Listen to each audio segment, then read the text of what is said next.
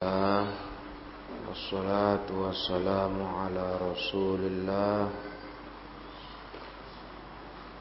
Wa ala alihi wa sahbihi wa mawalah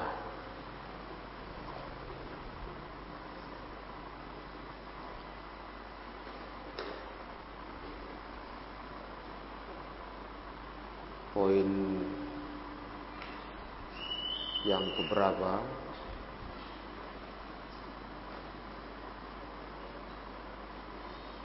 Hmm?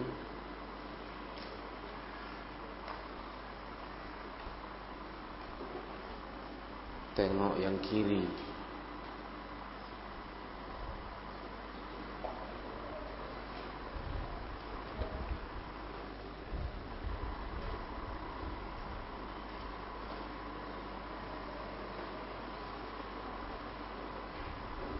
Poin berapa?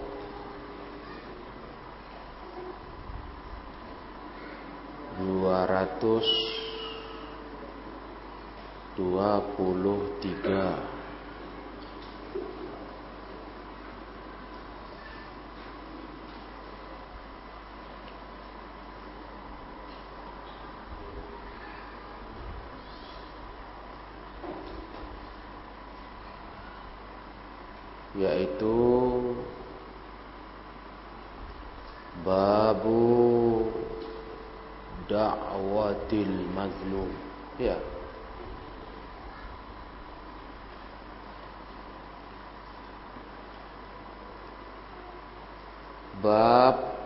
doa orang terzolimi.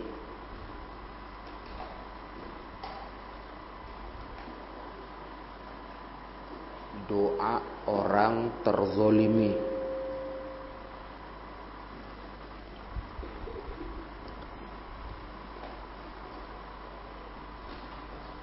Terzolimi berarti maknanya tersakiti.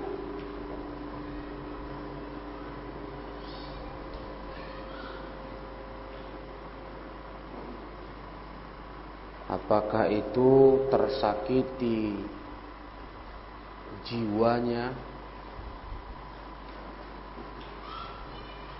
Atau hartanya?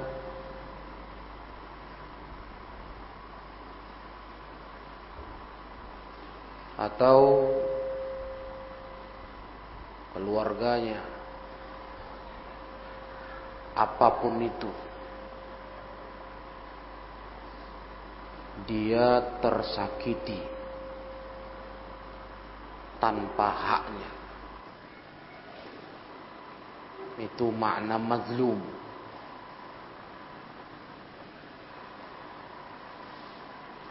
doa orang terzolimi itu babnya.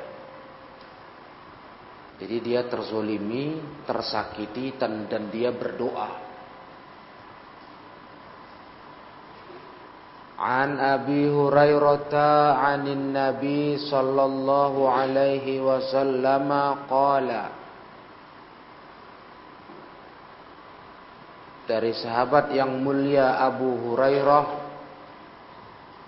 dari Nabi Shallallahu Alaihi Wasallam Nabi bersabda Salasu da'awatin mustajabatun Tiga doa yang makbul Tiga doa Yang doa itu makbul pasti dikabulkan Allah.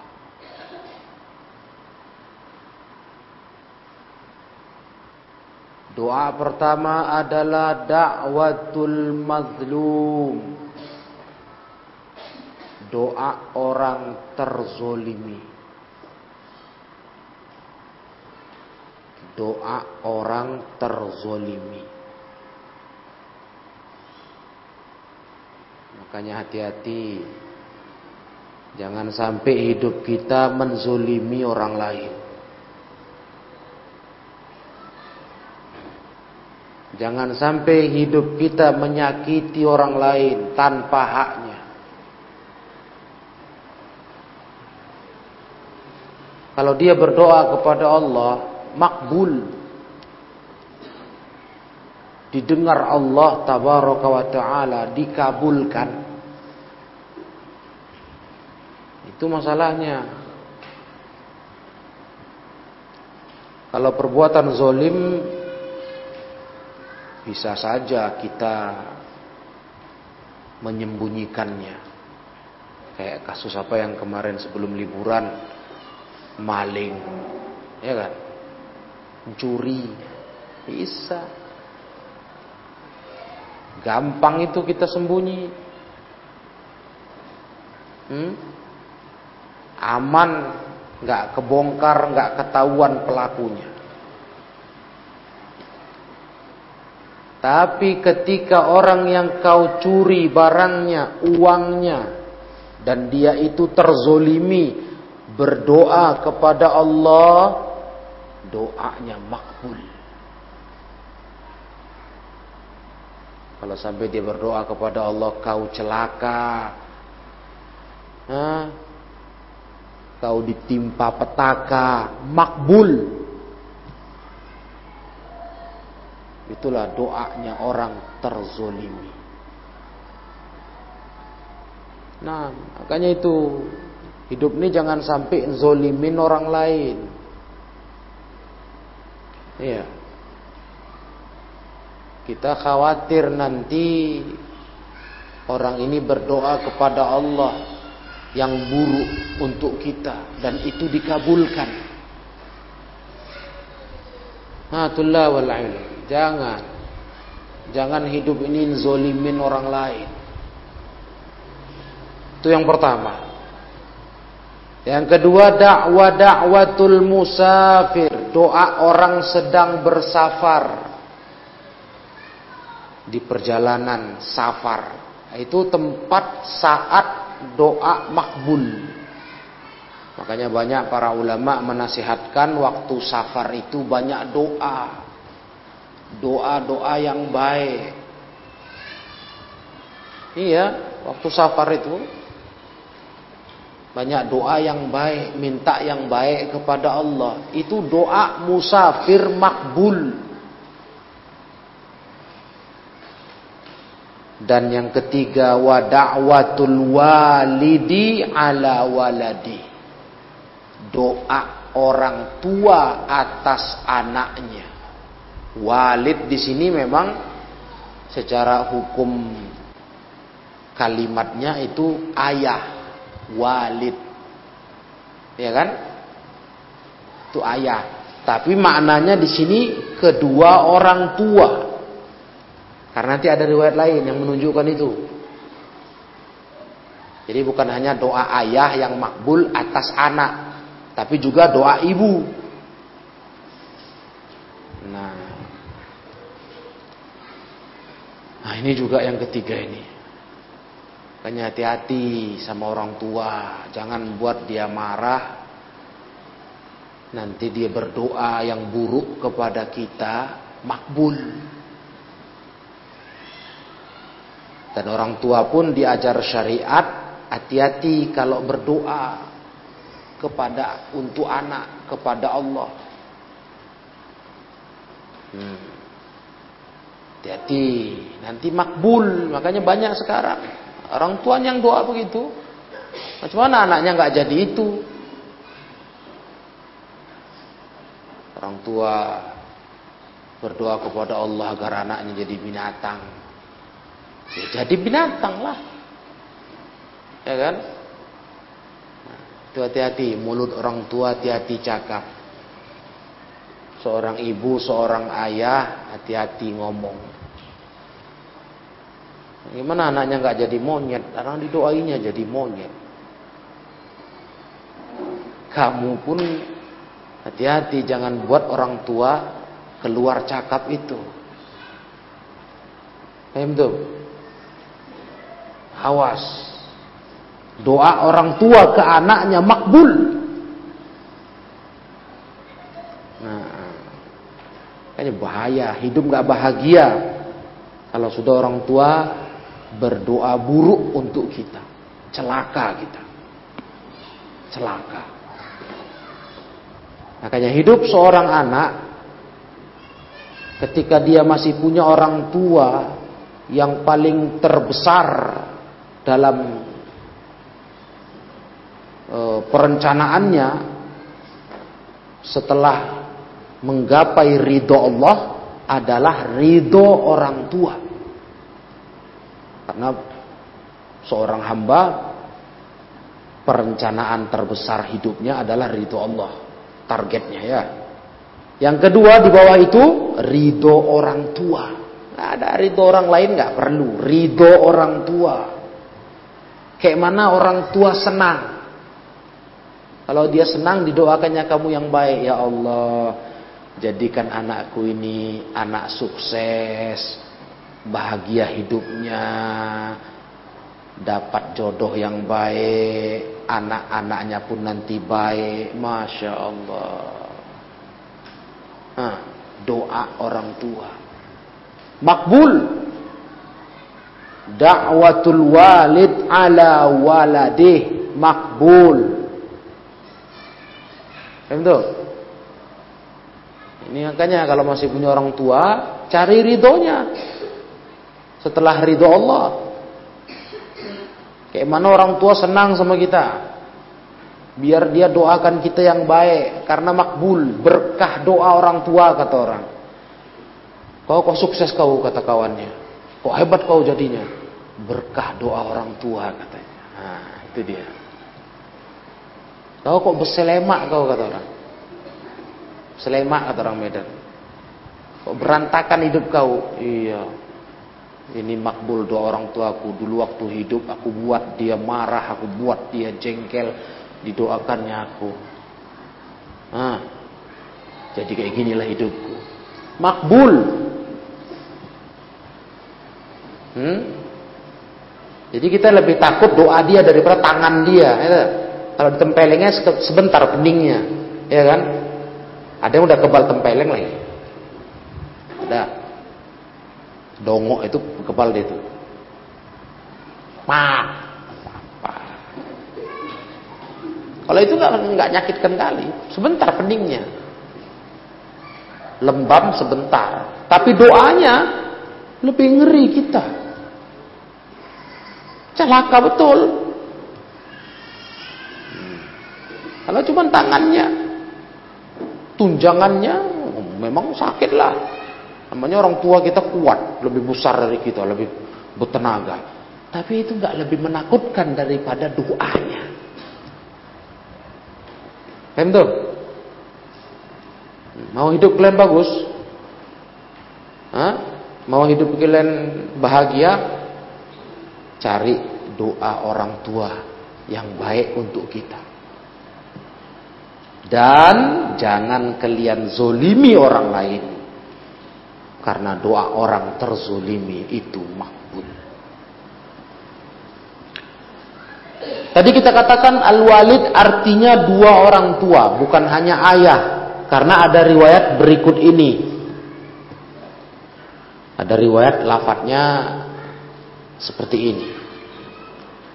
Salatu da'awatin mustajabat lahunna la syakka fihinna.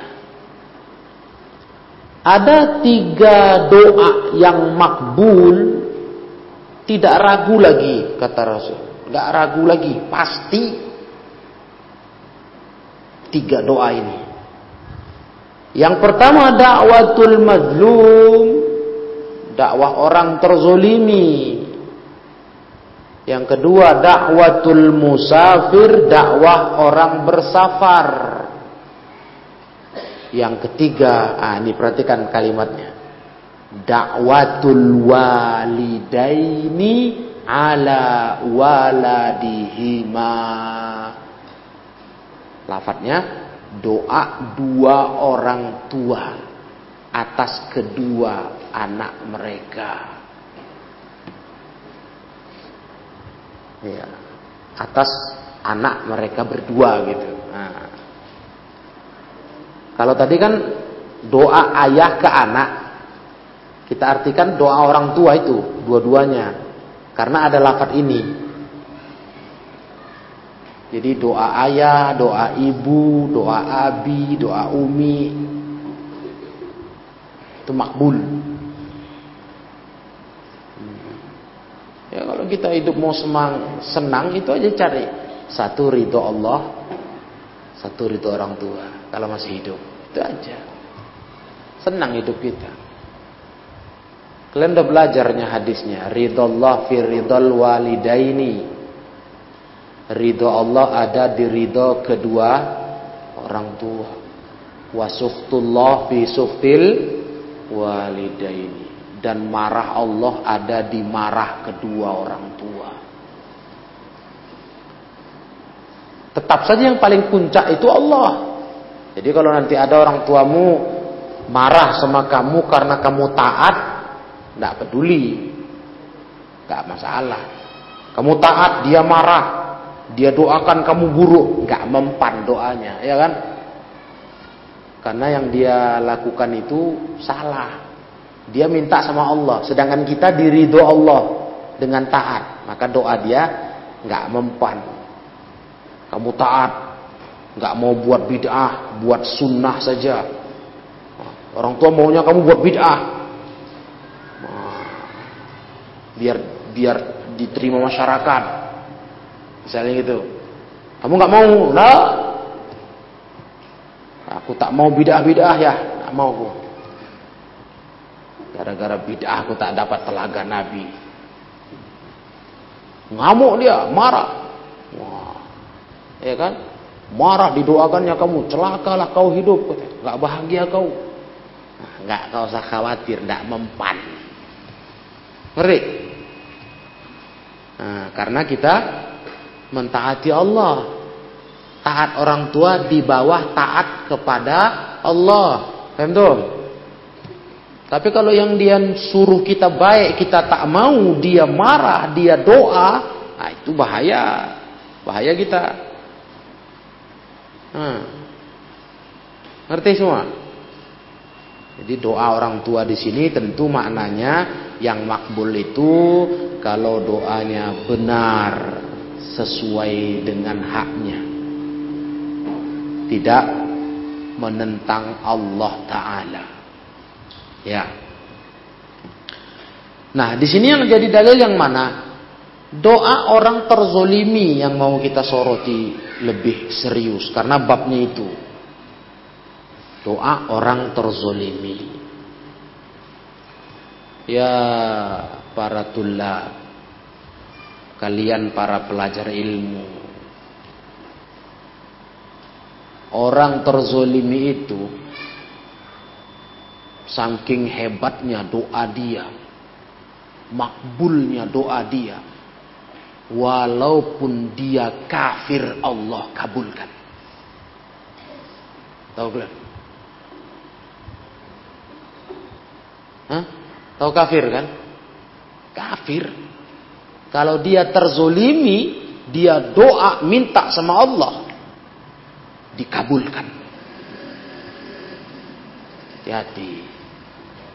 Apalagi orang soleh kalian zolimi. Orang baik. Ini kafir ini. Loh kok bisa begitu? Tapi kafir. Iya, Rasul yang berkata. Dalam hadis riwayat Imam Ahmad disahihkan oleh Syekh Al-Albani di dalam kitab As-Sahihah. Apa kata Nabi? Ittaqu da'watal mazlum. Takutlah kalian akan doa orang terzolimi. Itu udah paham kita sampai situ paham kita. Orang terzolimi itu takutlah kalian akan doa mereka. Nah, Rasul teruskan, wa ingkana kafiron walaupun dia orang kafir. Takutlah kalian kalau dia berdoa kalau dia dizolimi. Hah? Kenapa kok takut kita? Tapi orang kafir. Hmm. Ada kafir, Kau zolimi, kau curi hartanya. Itu zolim nggak? Zolim lah. Itu paham khawarij sesat itu. yang membolehkan mengambil harta orang kafir. Paham khawarij sesat. Dibilangnya fai, tahu fai? Rampasan perang tanpa perang, itu fai. Kalau rampasan perang dengan perang namanya apa? Ghanimah. Itu ditulis di buku mereka. Jadi kalau kalian ngerampok orang kafir, boleh fai. Itu paham sesat, ngawur itu. Hah? Itu kok dibilang fai. Itu harta haram, harta rampokan, curian. Iya, makanya nggak aman orang khawaris ini tinggal di masyarakat kalau udah kena paham itu.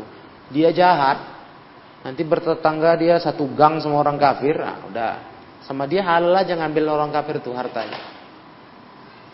Curinya, sendalnya, kayak maling-maling nggak beragama itulah. Padahal dia orang taat loh, orang khawarij jangan tanya kalian orang ngaji itu. Oh, orang ngaji, orang taat, orang hafal Quran, tapi otaknya khawarij. Ya kan? Hafal Quran. Sholat malamnya Masya Allah. Sholat sunatnya, wah, apalagi sholat wajib. Bahkan jenggotnya panjang. Iya. Eh rupanya maling tengi rupanya. Sendal orang dicuri. Nanti tengok sapu lidi orang curi. Halal aja katanya. Mumpung sapu di rumah udah rusak katanya. La haula wa la quwata illa billah. Aduh, memang orang khawarij inilah. Ya. Nah. Jadi dia zolimi orang kafir. Orang kafir itu terzolimi.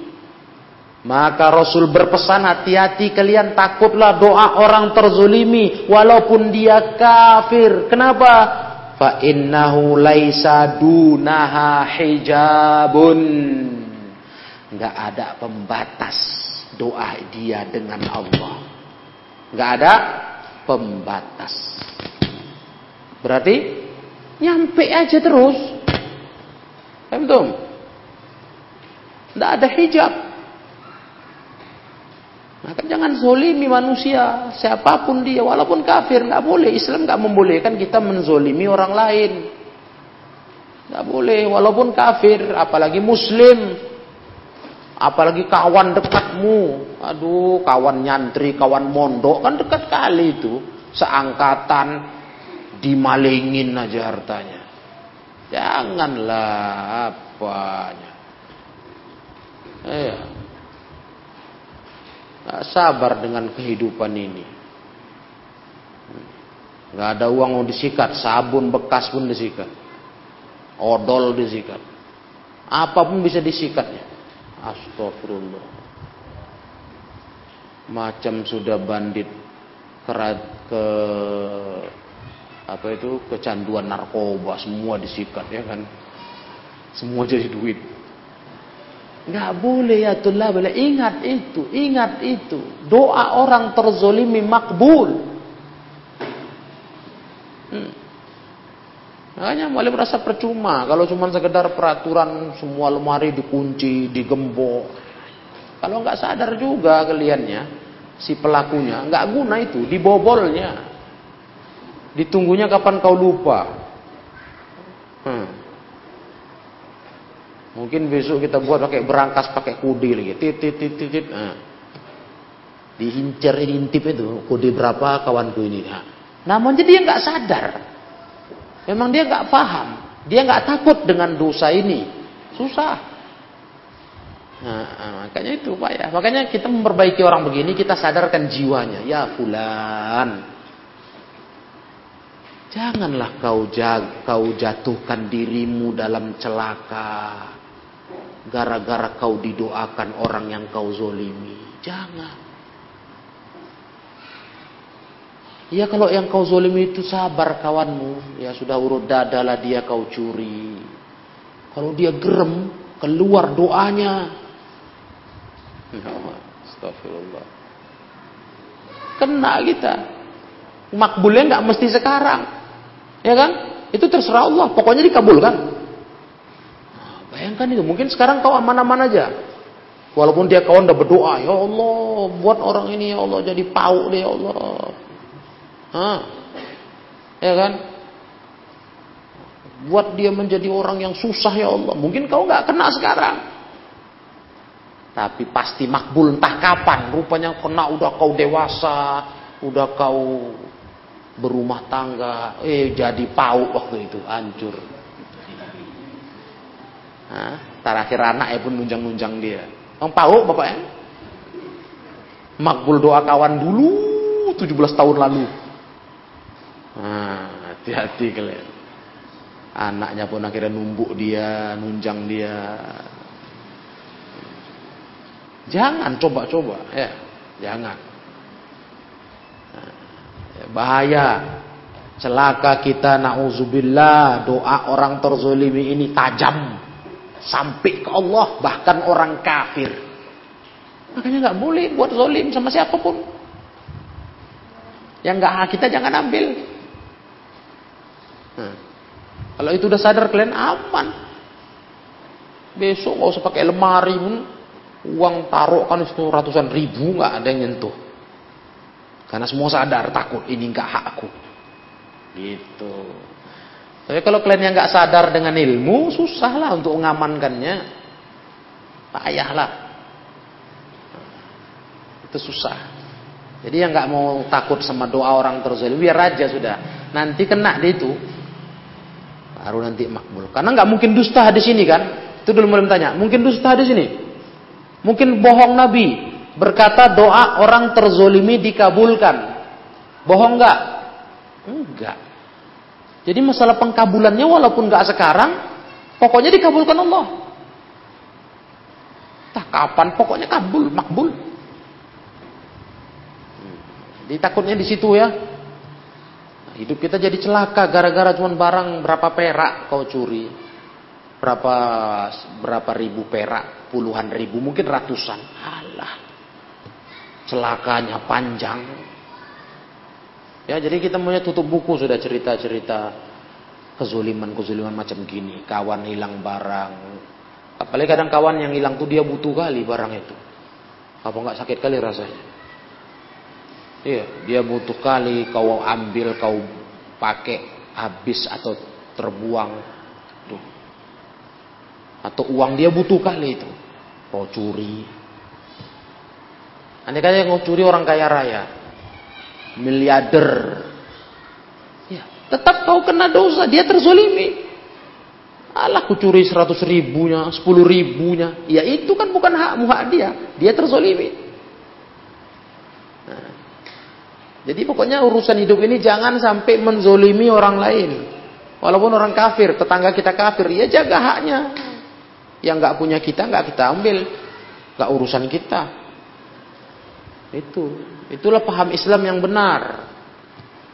Nah, masalah beda agama kita ya urusan agama, urusan dia. Tapi masalah hak-hak kehidupan kita nggak boleh menzolimi siapa pun juga. Tasmaun, dengar ini. Nah, jadi jagalah itu ya. Nah, jangan jadi orang yang lupa diri ya santri ya akhwat, jangan jadi orang rendah yang terus hidupmu jadi berantakan, berantakan gara-gara makbulnya doa kawan yang kau zolimi saat kau di sini. Hmm, jangan itu. Ya. Sayang sama hidupmu kan? Sayang. Nah, jangan sampai kau celaka be bekas akibat doa kawan yang kau zolimi. Baik. Kemudian Babu zulmi zulumatun. Bab kezoliman itu adalah kegelapan. Ya. Kezoliman, menzolimi orang lain itu kegelapan. Bikin hidup kita suram. Sudahlah doa orang yang dizolim makbul. Kita pun suram hidupnya. Di akhirat kita udah pernah belajar belum? Di akhirat nanti orang terzolimi itu yang di dunia kita zolimi. Nanti diadakan hitung-hitungan di sisi Allah. Ya kan? doa, dosa kita sama Allah bisa kita minta ampun. Kau buat dosa misalnya kau langgar larangan minum homer, kau coba homer, mabuk. Kau diam-diam main judi.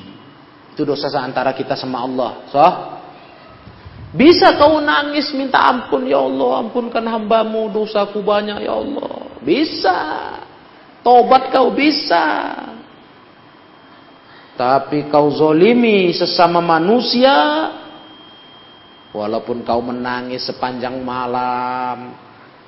Meneteskan air mata. Ah, sampai habis. Nah, udah habis air mata keluar udah. Gak bisa. Karena kezoliman dengan hamba harus kau selesaikan dengan yang bersangkutan. Hartanya kau zolimi, kau harus balikkan atau minta dia rela. Kau minta tolong sama dia, maafkan saya, saya buat zolim sama kamu, saya ambil hartamu, tapi saya nggak sanggup balikkannya. Mohon maafkan ya. Ah, atau pulangkan, maaf, afwan. Ini dulu saya curi hartamu, ini saya pulangkan. Hmm. Begitu. Ya, Begitu pula kau suruh rusak kehormatannya, kau fitnah-fitnah dia. Kau jelek-jelekkan dia, kau tuduh-tuduh dia. Jadi rusak namanya di masyarakat. Kau harus minta kerelaannya. Nah, kau luruskan lagi cerita-cerita dustamu itu di depan orang banyak. Supaya dia tidak hina. Nah, minta kerelaannya, minta kemaafannya. Nah, itu masalah harta, masalah kehormatan. Tapi kalau masalah darah, gak bisa. Darah, kau bunuh dia, itu harus tetap ada hitungannya di yaumil qiyamah. Karena mati, cuman mau minta rela. Adapun kisos, walaupun kau dihukum bunuh ulang, kisos, itu adalah hak keluarganya. Dengan yang kau bunuh belum ada urusan, belum ada penyelesaian. Nah, itu makanya hati-hati masalah bunuh membunuh. Ngeri. Nah, itu dosa yang syaitan sukses tertawa, berhasil hebat kalau dia bisa menggoda kita membunuh orang lain. Ya, mengalahkan dosa durhaka ke orang tua. Kalau durhaka ke orang tua bisa nggak kita minta maaf? Bisa kan? Bisa. Minta maaf sama abi sama umimu. Bisa. Kemudian apalagi dalam hadis itu ya, orang cerai, suami istri, bisa nggak rujuk? Bisa. Berantem, cerai, rujuk lagi bisa. Tapi orang membunuh, bisa nggak diperbaiki? Bisa? Hah? Bisa nggak? Mana bisa? Udah mati, mau kau apain? Mau kau pompa? Biar jantungnya bergerak lagi. Hah? Gimana caranya? Kau beli nyawa, ada jual nyawa? Gak bisa. Yang bisa adalah di, sisi Allah, di depan Allah, hitung-hitungannya. Nah, itulah kezoliman. Maka kata Rasul dari sahabat Jabir bin Abdullah, Qala qala Rasulullah sallallahu alaihi wasallam ittaqul zulma Takut kalian akan perbuatan zolim. Fa inna zulma zulumatun yaumal qiyamah. Kezoliman itu adalah kegelapan di hari kiamat. Eh, gelap sudah. Dalam arti celaka kita di hari kiamat. Karena kezoliman itu harus dibayar. Di sana nanti kata Nabi bayarnya pakai pahala. Kau curi harta orang nggak bisa dibayar pakai uang. Uang apa kau bawa? Mana ada? Mati aja pun kita bawa kain putih tok. Eh. Di akhirat nanti pakai pahala. Kalau kau punya pahala, kata Rasul di hadis sahih lainnya, kau bayar kepada orang yang kau zalimi. Nih, bayarannya diambil malaikat, dipotong pahalamu. Satu orang, ada orang lain, potong lagi. Ha. Lama-lama habis. Apa modalmu masuk surga? Enggak ada. Gara-gara dipotong-potong pahalamu untuk bayar utang kezoliman, kau habis pahala, kau dimasukkan ke neraka. Kegelapan gak itu? Kegelapan lah. Hmm, hmm. Udah hancur sudah. Rupanya ada pula orang lain lagi. Udah dibagi-bagi pahalanya untuk bayar utang zolim. Eh, nggak cukup. Ya Allah ya Rob. Akhirnya dosa orang yang dia zolimi diambil, dimasukkan ke dalam jatah dia. Dipindahkan ke dia untuk nanggung hukumannya. Harusnya dia neraka yang ringan, masuk ke dalam neraka yang lebih dalam. Mungkin masuk ke dalam jahanam. Lebih parah lagi, terperosok. Gara-gara dosanya makin besar. Dikirimi orang lain untuk bayar utang. Utang zolim ada hadisnya kan itu? Iya. Ada hadisnya. Hadis itu dikenal kalau kalau biasa dipakai ceramah hadis orang bangkrut, ya kan? Ingat itu? Al-muflis itu namanya orang bangkrut. Waktu Rasul tanya sahabat, "Atadru namanil muflis?" Kau kalian ngerti nggak apa itu orang bangkrut? Kata sahabat, Orang bangkrut ya Rasul kalau menurut kami orang yang man la, la dirhamalahu. Orang yang nggak punya dirham, tidak punya mal, harta.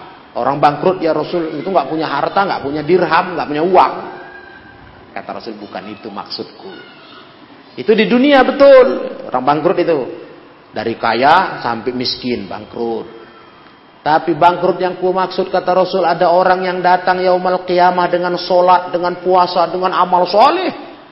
Tapi bersamaan itu dia membawa dosa menzolimi si fulan, mengambil harta fulan, menumpahkan darah fulan. Di yaumil qiyamah diambillah pahala-pahala solat puasanya tadi, bayar utang zolim sama orang-orang yang dia zolimi. Sampai habis masih ada sisa dosa lagi, zolim lagi, diambil dosa orang yang dizolimi ditimpakan kepadanya. Bangkrut dia. Ya tulab ilm. Jangan mau jadi orang bangkrut. Hmm, Nabi udah peringatkan. Nabi udah peringatkan. Nah ini dia. Jadi kegelapan, gelap lah. Mana ada lagi hidup selamat kalau gitu. Yang ada adalah kegelapan neraka jahanam. Az-zulmu zulumatun yaumal qiyamah. Wattakus syuha dan takutlah kalian akan sifat syuha, bakhil kikir. Fa inna syuha ahlaka man kana qablakum. Sikap kikir bakhil menghancurkan orang sebelum kalian. Wa hamalahum ala ansafaku dima'ahum. Membawa mereka menumpahkan darah-darah di antara mereka saling bunuh-bunuhan gara-gara kikir bakhil wastahallu maharimahum mereka menghalalkan maharimahum wanita-wanita mereka perempuan-perempuannya dihalalkan tanpa haknya ya darah ditumpahkan tanpa haknya nah nah ini gara-gara apa gara-gara sifat bakhil kikir. Ya. Dan kita sudah pernah menyinggung masalah ini. Ada sudah lewat babnya. Jadi fokus kita lihat dari riwayat ini adalah kezoliman. Hati-hati zolim. Ya. Pokoknya hidup ini jangan sampai nyakitin orang lah gitu. Ya. Jangan sampai nyakitin orang lain. Nyakitin dalam arti yang tidak dengan haknya. Kalau dengan haknya ya memang boleh kayak hukuman had. Pelaku pelaku e, judi minum khamr misalnya dihukum had. Dicambuk kalau minum khamr. Jadi yang tukang cambuk ini zolimin nggak namanya? Hah? Zolimin orang nggak? Enggak lah. Dia menjalankan hukum Allah. Ini orang berhak dicambuk, cetar. Ngerti? Nah, itu. Hukum potong tangan, pencuri. Algojonya yang tukang potong tangan, zolim enggak? Enggak. Karena dia melakukan hukum Allah. si pencuri itu dalam hukum Allah memang pantas potong tangan. Kan gitu. Potong tangannya di sini, pergelangan. Tapi kalau al yang motong tangannya di sini, itu zolim. Ya kan? Zolim. Nggak boleh. Ya, harusnya di sini. Nah, pergelangannya dipotong nih. Jangan sampai di sini. Ya, itu contohnya. Dah. Pokoknya yang ada haknya kayak pengutip zakat, pemungut zakat, petugas pemerintah. Datang ke rumah orang kaya ngambil zakat, mau dibawa hartanya untuk distor ke negara. Zolim nggak? Tidak. Karena dia mengambil haknya. Nah, orang-orang yang berharta itu harus bayar zakat diserahkan ke negara gitu. Jadi kalau yang ada haknya nggak zolim. Ya. Kalau yang tidak dengan haknya itulah kezoliman. Ani bin Umar anin Nabi sallallahu alaihi wasallam dari Ibnu Umar dari Nabi sallallahu alaihi wasallam Nabi bersabda aqala az-zulmu zulumatun yaumal qiyamah ya. Zolim itu adalah kegelapan di hari kiamat. Ya. Ini sama dengan hadis di atas cuma yang pendek, yang pendeknya saja. Dari jalan yang berbeda. Ini dari sahabat Ibnu Umar dan yang sebelumnya dari Jabir bin Abdullah. Intinya sama, kezoliman itu adalah kegelapan di hari kiamat.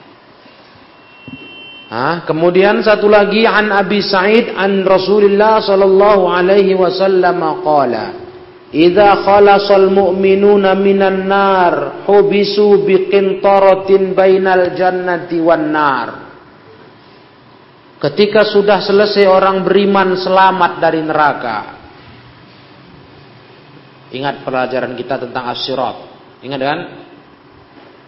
Udah lolos nih orang beriman melewati jembatan.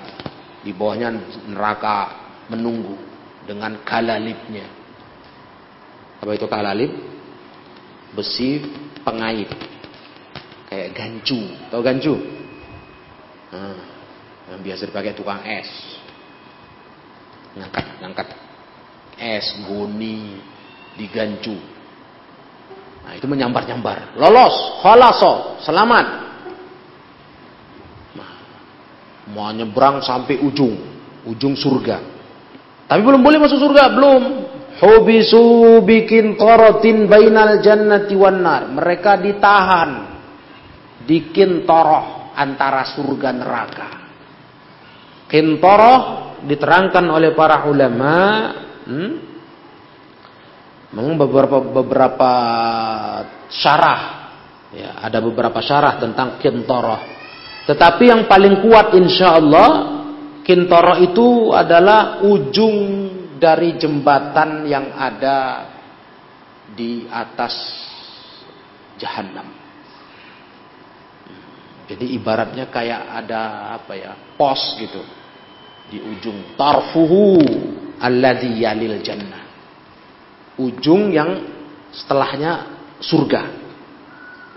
Jadi kalau kalian bayangkan ada jembatan nah, pas ujung jembatan itu sebelum lewat jembatannya masuk ke wilayah ujung itu ada kayak pos gardu.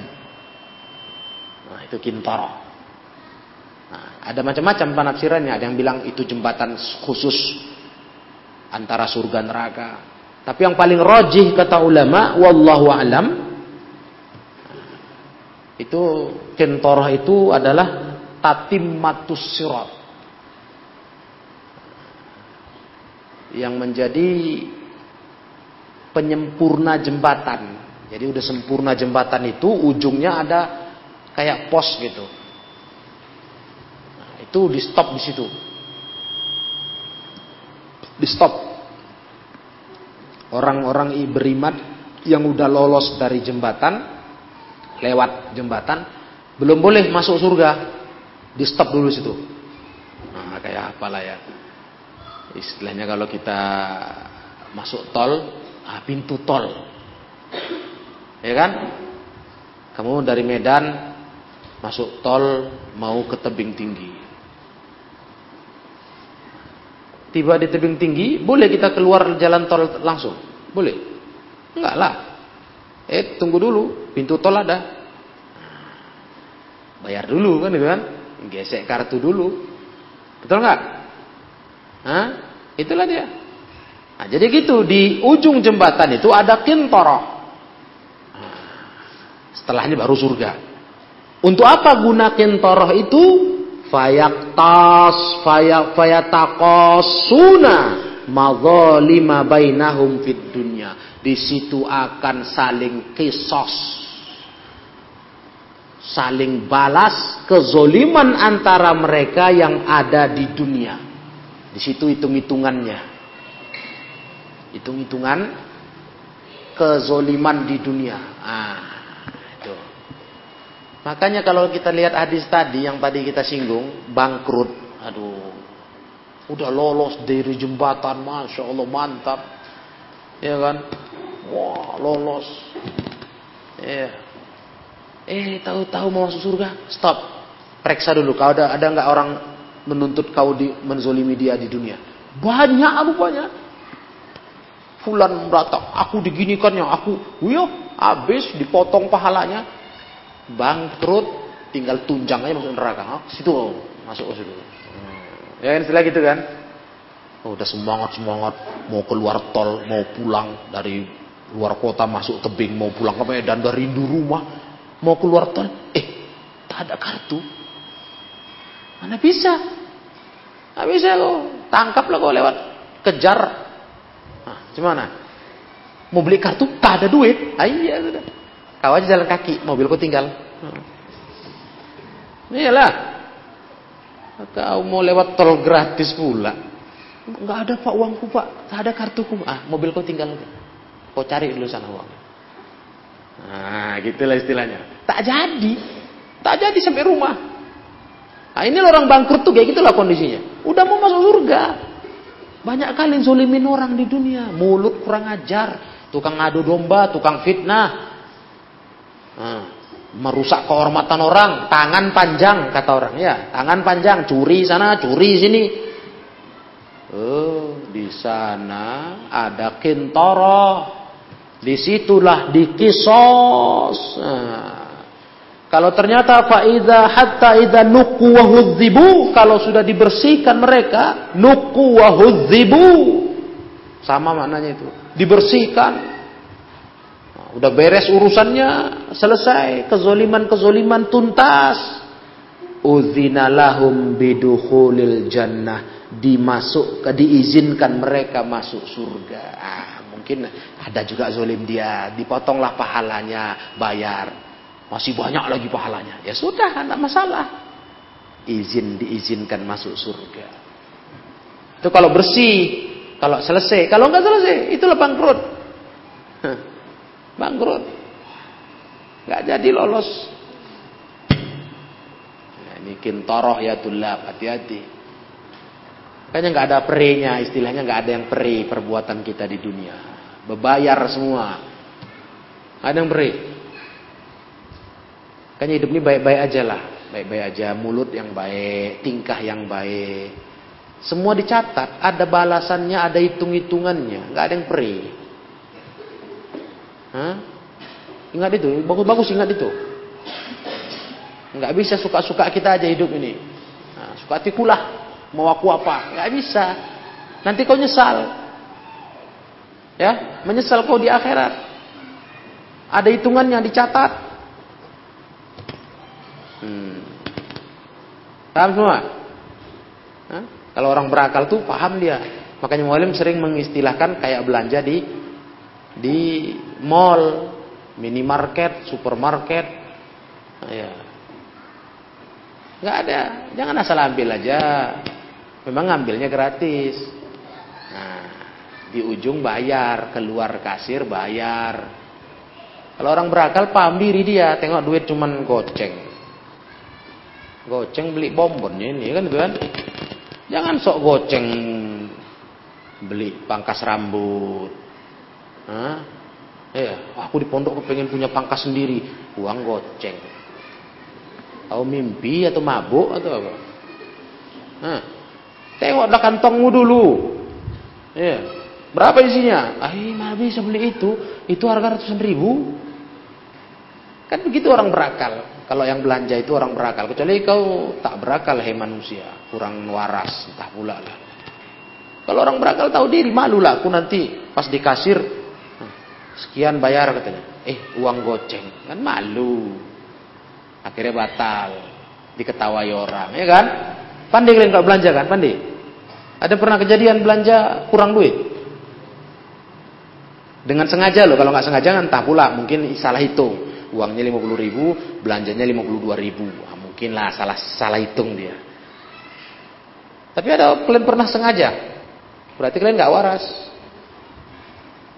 Kan cerdas kalian kalau belanja, tahu diri, tahu uang segitu, yang mau diambil ya tentu di bawah itu, ya, atau pas-pasan lah. Nah, cari bonbon harga dua setengah, namanya uangnya goceng.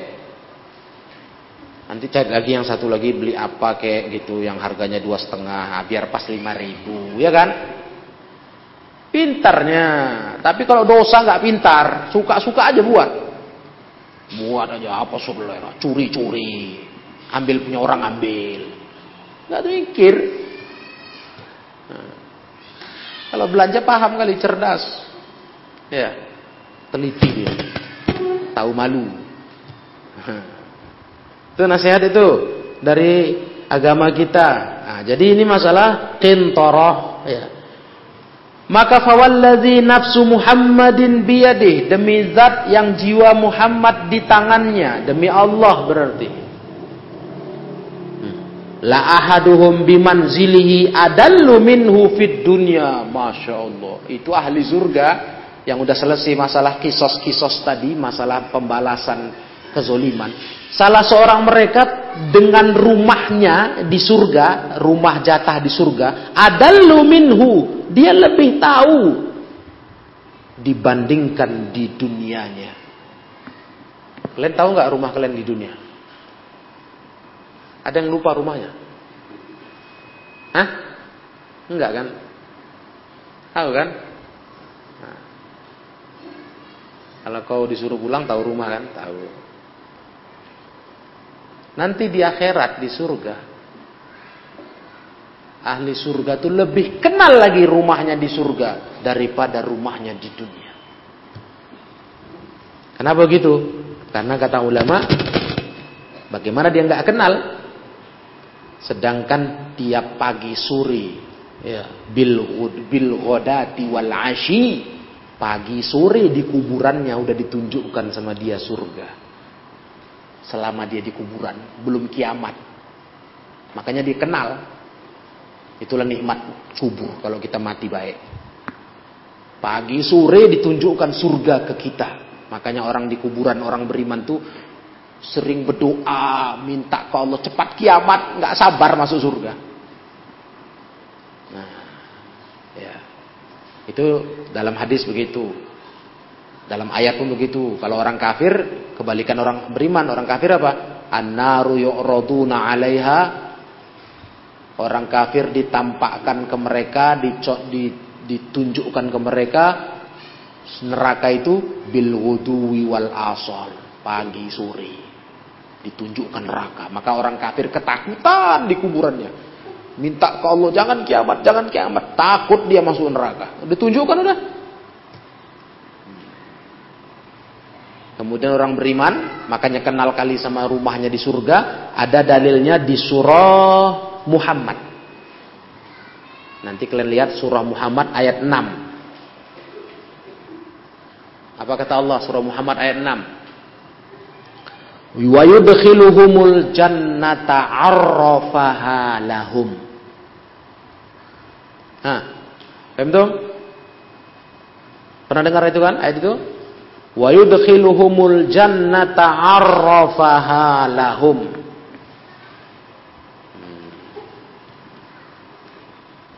dimasukkan mereka ke dalam surga yang mereka kenal dibuat Allah kenal jadi tahu tahu tahu tahu rumahnya di surga nah, tahu tempatnya karena udah dikenalkan dari mulai di kuburan ahli ahli takwa orang soleh di kuburan enak kayak kebun surga kuburan itu.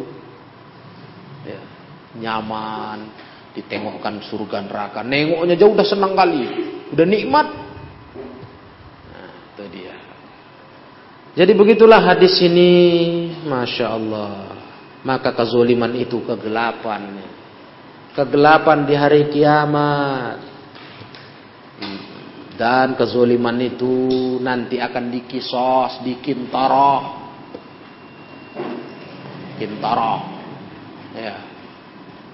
Hanya perlu kita jaga diri. Kadang-kadang kita ini ya, dengar saya santri, buat dosa kezoliman gampang. Minta kerelaannya, malu. Hmm.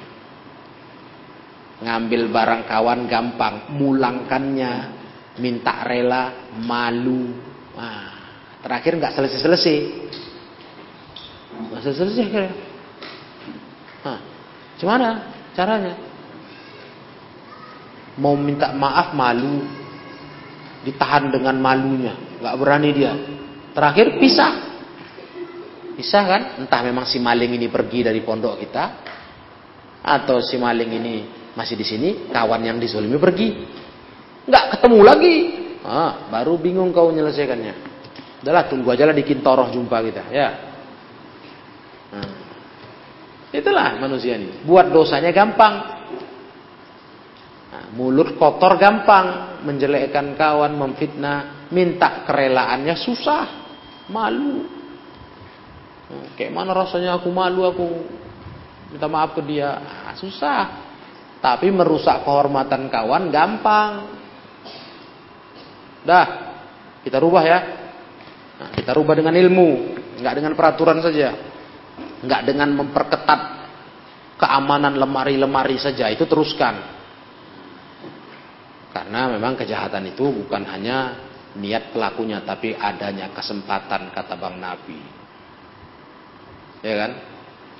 Kata bang narapidana, nah, penjahat itu istilahnya pemerintah kesehatan itu bukan hanya karena niat pelakunya tapi karena ada kesempatan. Kalau itu teruskan itu, kalian kunci, kalian jaga. Tapi itu nggak bisa menolak kejahatan. Kalau kamunya nggak takut akan kezuliman, bisa. Ada aja celah dia dapat nanti itu. Makanya walaupun pakai berangkas, berangkas besi pun nggak bisa. Huh. Ini kalau ada setan itu begitu, ada aja cara membuat nafsu zolimnya berjalan. Wallahu alam. Jadi berarti bab ini belum selesai ya. Masih ada di bab az-zulmu zulumat ada beberapa hadis lagi. Insya Allah akan kita lanjutkan di pelajaran yang akan datang. Ilahuna subhanakallahumma wa bihamdika Ashhadu an la ilaha illa anta astaghfiruka wa atubu ilaik walhamdulillahi rabbil alamin